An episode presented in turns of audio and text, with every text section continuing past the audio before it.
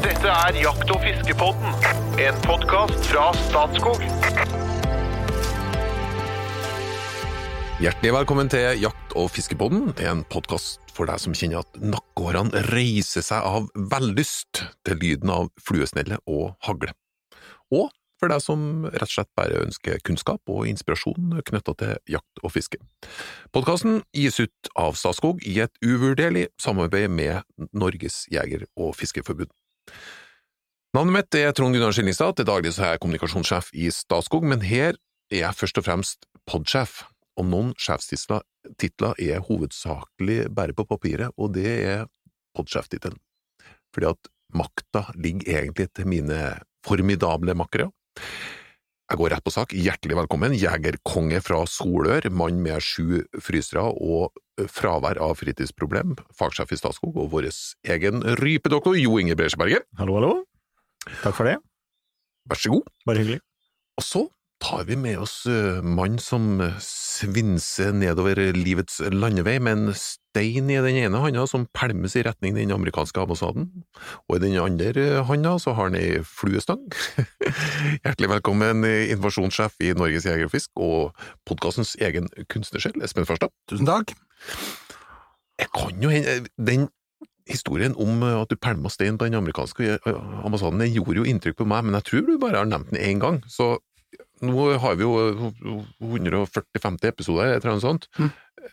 Kan ikke du gjenta den, den historien, for folk lurer jo på hvilken fyr du er, vet du, når jeg sier det der. Ja, dette var i 1974, da amerikanerne eh, bomba eh, Nord-Vietnam sønder og sammen i siste krampetrekninger av en lang eh, krig, Vietnamkrigen. Eh, det var en helt eh, forferdelig Jeg tror det var en lille julaften eller julaften hvor de bomba. Eh, de slapp jo flere bomber i Vietnam enn eh, det som ble sluppet under hele andre verdenskrig. Ja, ellers, Mm. eh, det, var, det, var en, det, var, det var egentlig ganske forferdelige greier. I ettertid tror jeg de aller fleste er enige om det. Jeg Mm. var en ung radikal sjel på en eh, 14 år eller der omkring, må vel jeg ha blitt, 15-16 kanskje, og var veldig opprørt over dette, som jeg syntes var, var en forferdelig hendelse. Og vi demonstrerte i Oslo, og, og marsjerte opp til den amerikanske ambassade i Drammensveien 1, eller oppi der, rett nede for Slottet, og Mm. pælma stein. Ja. Eh, I et, I et ungdommelig sinne og frustrasjon over eh, en urettferdighet i verden. Det står jeg for den dag i dag. Ble du registrert? Har du, har du vært i USA nei. etterpå? Nei, ja, det har jeg vært. Ja, det har jeg vært. Og jeg er glad i USA, og, så, så jeg er ikke noe sånn eh, Det har ikke noe med det å gjøre. Det er ikke sikkert du kommer inn nå. Nei, men da er det på grunn av, da er det på grunn av korona. Får vi håpe. Nei, dette, dette tror jeg nok ikke bedømmes den veien, nei. I dag skal vi inn på en litt vanskelig sak. En, nå, nå, nå var du inn på en ekstremt vanskelig sak, vil jeg si, Vietnamkrigen, så vi, vi skal ikke på det nivået, men vi skal inn på en ganske så vanskelig sak. Ja. 6. september 2019 så falt det et skudd i Knutshø villreinområde, og jegeren uttalte til VG følgende.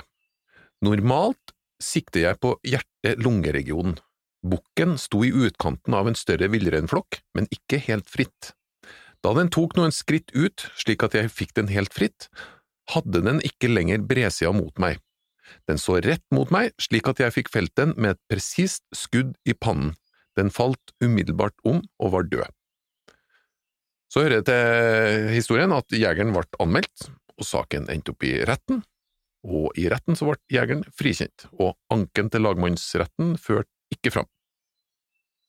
Det, var, det er det bakteppet til dagens episode, og da passer det veldig godt å introdusere dagens gjest.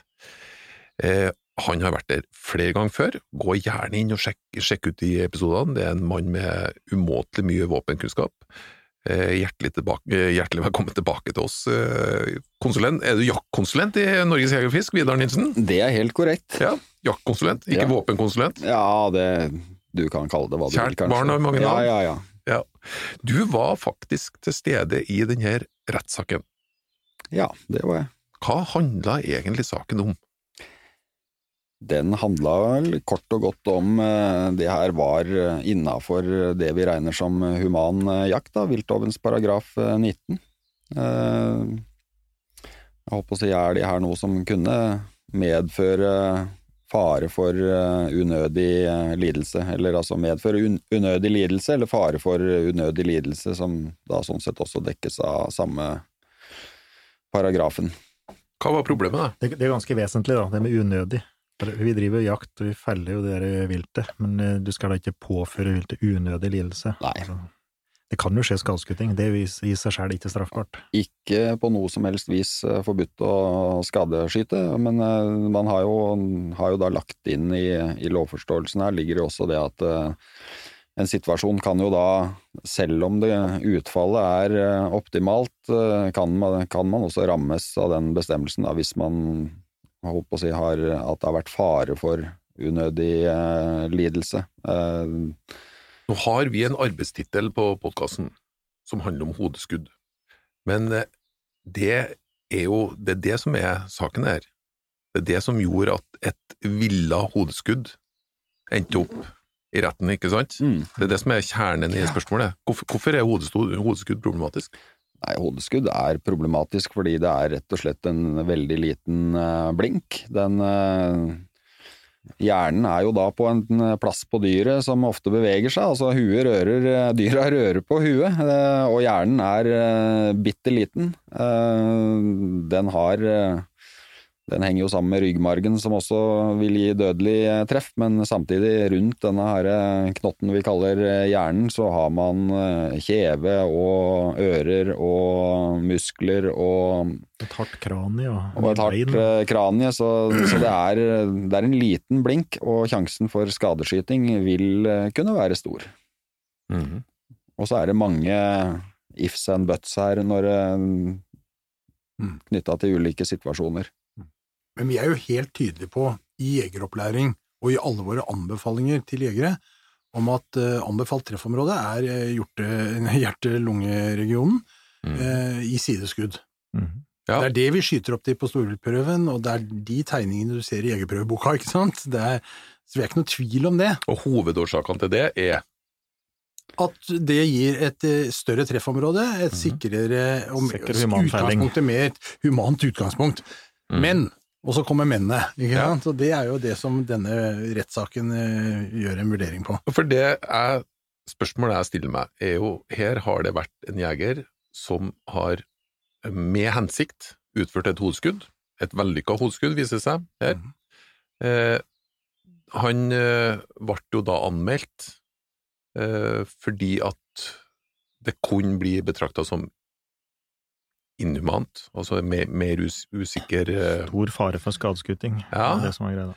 Og retten sier at det, du blir frikjent. Og da er det store spørsmålet mitt Betyr dette at hodeskudd er ok, da?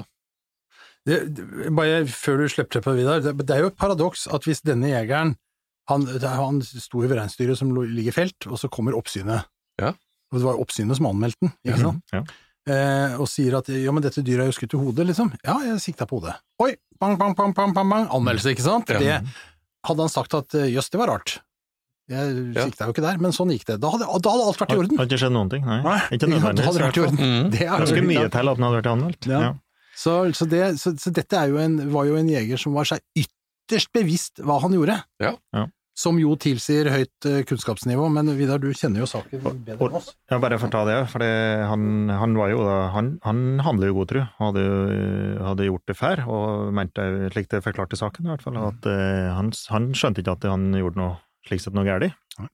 Og en veldig dyktig skytter ble det påpekt, og lå liggende med anlegg da, med to fot eller et eller annet anlegg, og påviste skuddplassen han og løgget, og var, her skal jeg si, var samarbeidsvillig, som det står der. Mm. Men skjønte ikke at han hadde gjort noe gærlig da, det var jo derfor han ble anka da. Nei, Vi har jo ikke noe lovkrav som sier Det er ikke noe i lovgivninga som sier hvor eh, du må skyte på dyret, men eh, det er jo den håper å si, vår hos eh, oss, og en, det ligger jo liksom en forståelse til grunn at hjerte- og lungeområdet er foretrukket treffområde.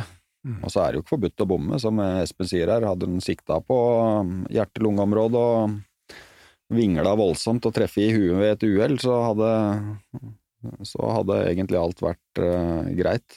Mm. Så er det jo spørsmålet om jeg, Du kanskje har prøvd det i retten òg, altså i ytterste konsekvens, men jeg tror ikke det hadde vært gjort. Nei. Og så er det jo det at uh, hodeskudd vil nok uh, som oftest ikke være ok. Og så kan det være, som i dette tilfellet, at det er enkelte ganger hvor, eh, hvor det ikke er liksom går over streken for å være straffbart. Eh, Men at man eh, Det ligger jo et, bevis, holdt på å si, det ligger jo et beviskrav her for at noe skal være straffbart. Eh, Du har jo en ganske stor gråsone mellom hva som er anbefalt og til du kommer over i det straffbare, da. Men her var det jo sånn bevismessig, så er jo som en eh, Espen sier, han, han sa jo han, han sikta på hodet. Ja. Så, så å, å bevise at det var en villa handling eh, med treffpunkt i skallen, det var vel egentlig ikke noe problem. Så Nei, det var jo vidt om det var, Men det- ville medføre unødig Men lidelse. det er jo ikke, det er jo ikke forbudt.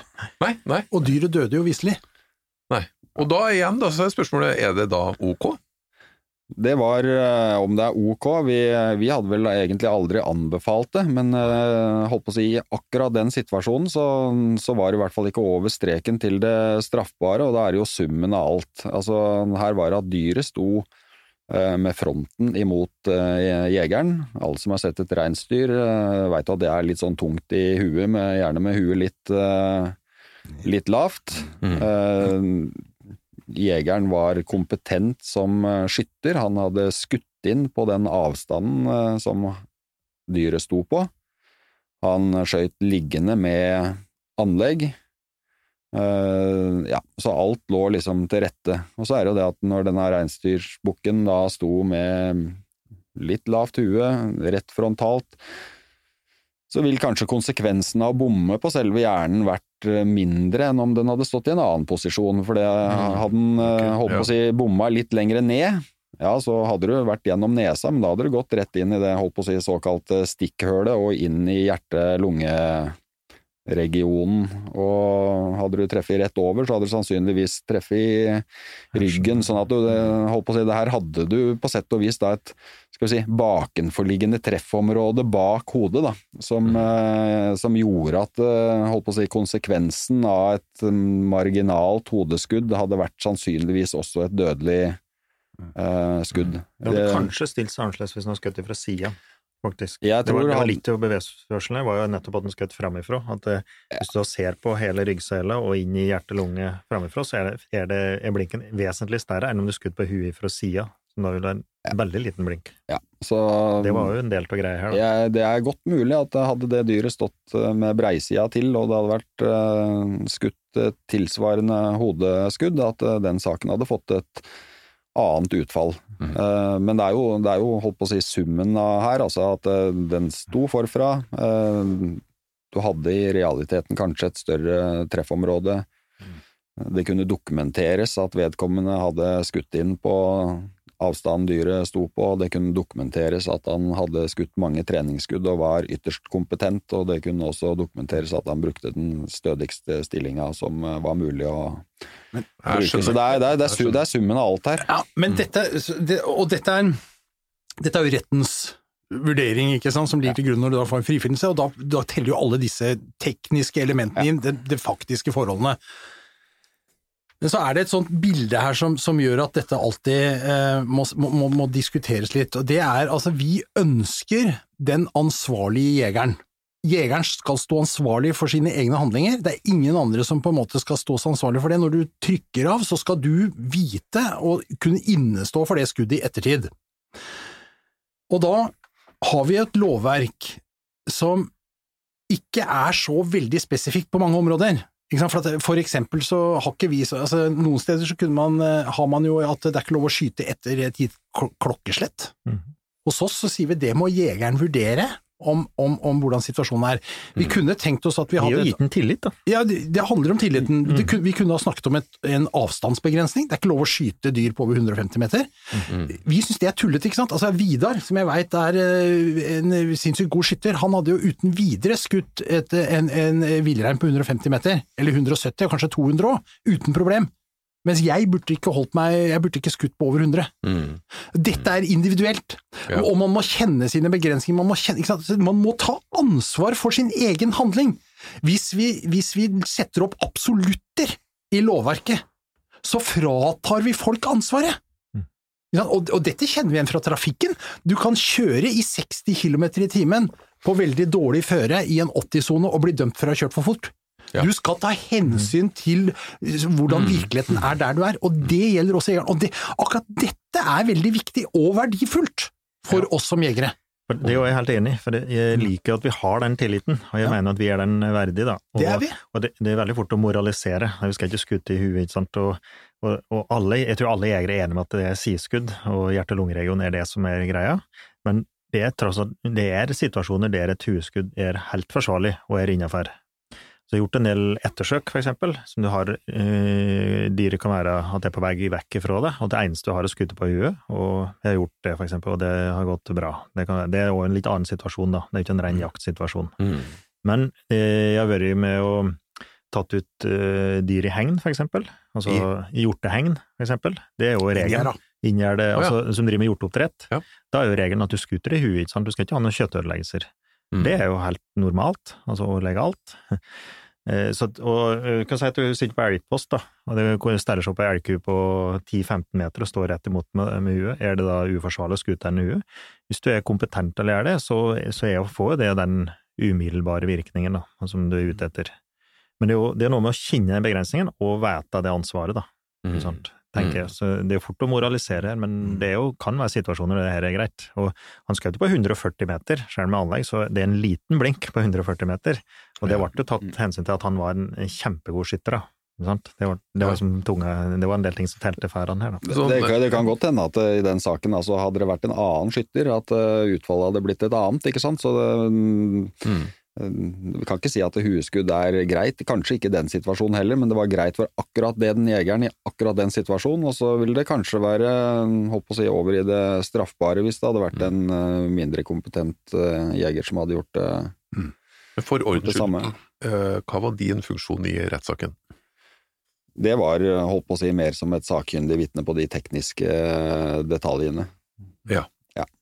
Så du gikk gjennom Våpen, ammunisjon, presisjon, eh, Ja. den type ting.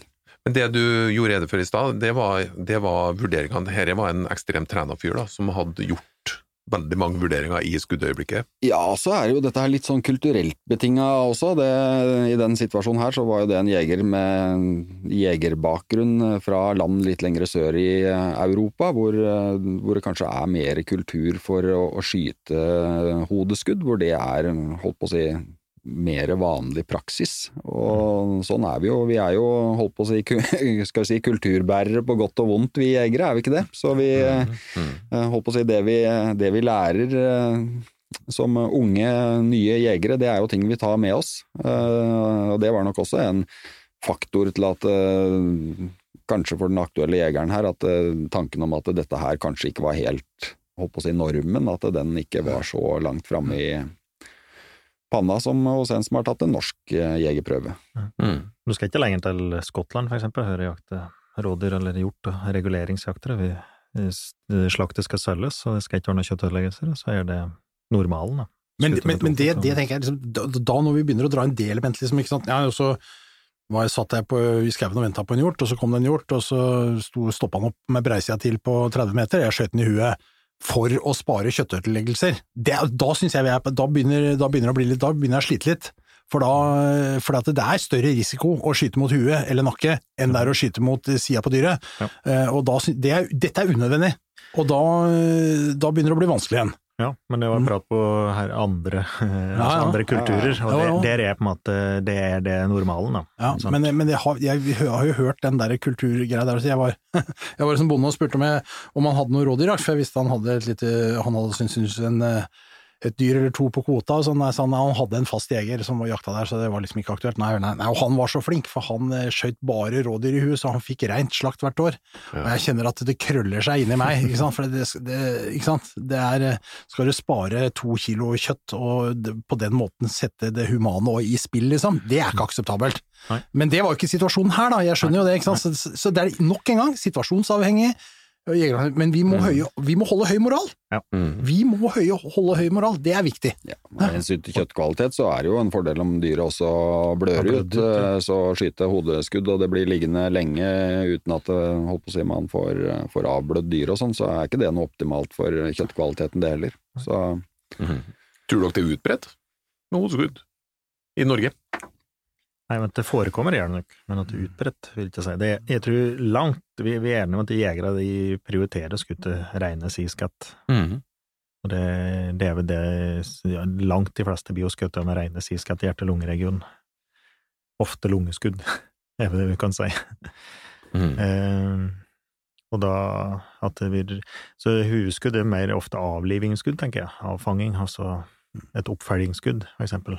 Eh, det ligger og spreller ikke helt dødt eller noe, så gir dem et skudd i huet. Det er kanskje det som er mer normalen, da. Ikke at, ikke at folk skuter etter huet, det tror jeg er mer un, veldig sjeldne unntak. i så fall. Ja. Men det er jo, det er jo interessant at denne, denne hodeskuddsaken den har også vært veldig mye diskutert i jegerkretser. Dette har folk vært veldig opptatt av. Mhm. Det er kvalitetstegn, tenker jeg. Vi er Mhm. opptatt av dette. Hvor, liksom, hvordan skal det være, og er dette akseptabelt, er det ikke akseptabelt? Så går debattene liksom i, i, i jegerkretsene. Og dette er jo, ja, det er et sunnhetstegn. Det er rett og slett, dette, dette er vi opptatt av, og det syns jeg er fint. Og, og så er det som alle andre sånne saker, du går inn og snakker nei, fy faen, han skutt den i huet. Det er det verste jeg har hørt, liksom. Sånn, sånn begynner det, liksom. Men når du graver deg litt nedi, så kommer nyansene til syne etter hvert, ikke sant. Dette er, For det er fort å moralisere, ikke sant? Ja, så det skal ikke være så rask. Så, så her er det, og sånn sett så er det også godt å få prøvet noen saker i retten, sånn at vi får noen streker. Av og til dukker det opp bilder da, ikke sant, av hjort eller rein. Eh, Det skjer jo på elger, men jeg har sett, sett bilder av hjort eller rein som har fått avskjøt i kjeven, da. Mm. For det prøvde å skjøte på huet, og så skjøt det for lågt. Mm. Og så tar du kjeven, og da går de den visse død i møte, ikke sant. Og det, og det vil vi jo ikke. Vi er jo ikke interessert Og. Da, Den ville garantert ha blitt dømt, da. Den ville vært dømt, og det er jo en sånn omdømmesak. Og én ting er det er at dyret, dyret sulter i hjel, og det tar seg også dårlig ut med bilder eh, En kjeve som henger med, ned. liksom, av dyr med kjeve som, eh, som henger. Det er jo en, det er jo en uh, tragedie, og da, det er jo større risiko. Men jeg syns egentlig den dommen var god. Den sier at eh, ok, i dette tilfellet her så var det liksom var det innafor det lovlige, men eh, Mm. samtidig så åpner ikke den dommen eh, for at hodeskudd er noen eh, holdt på å si, grei løsning generelt. Mm. Det er ikke noe fritt fram for hodeskudd. eh, Nei. På ingen eh, måte. Det, var- den var ganske nyansert, Mm. og ja, man kan jo egentlig lese det sånn at eh, i de fleste tilfeller vil hodeskudd eh, være brudd på viltlovens paragraf 19, men i enkelte tilfeller utgjør summen av alt at det ikke er innafor det straffbare. Ja, for de tok hensyn til det konkrete skuddet og konkrete feilingen, det er jo det de har dømt på. Og da, mente de at da var det forsvarlig forberedt, planlagt og humant plassert, i det konkrete tilfellet. Det vil jo ikke være her hver gang, da. Så her er jo en enkel sjel fra Namsos. Er hodeskudd blitt stuerent? Spørsmålstegn, det var jo arbeidstittelen min. Svaret nei. Svaret er nei. Ja. Ja.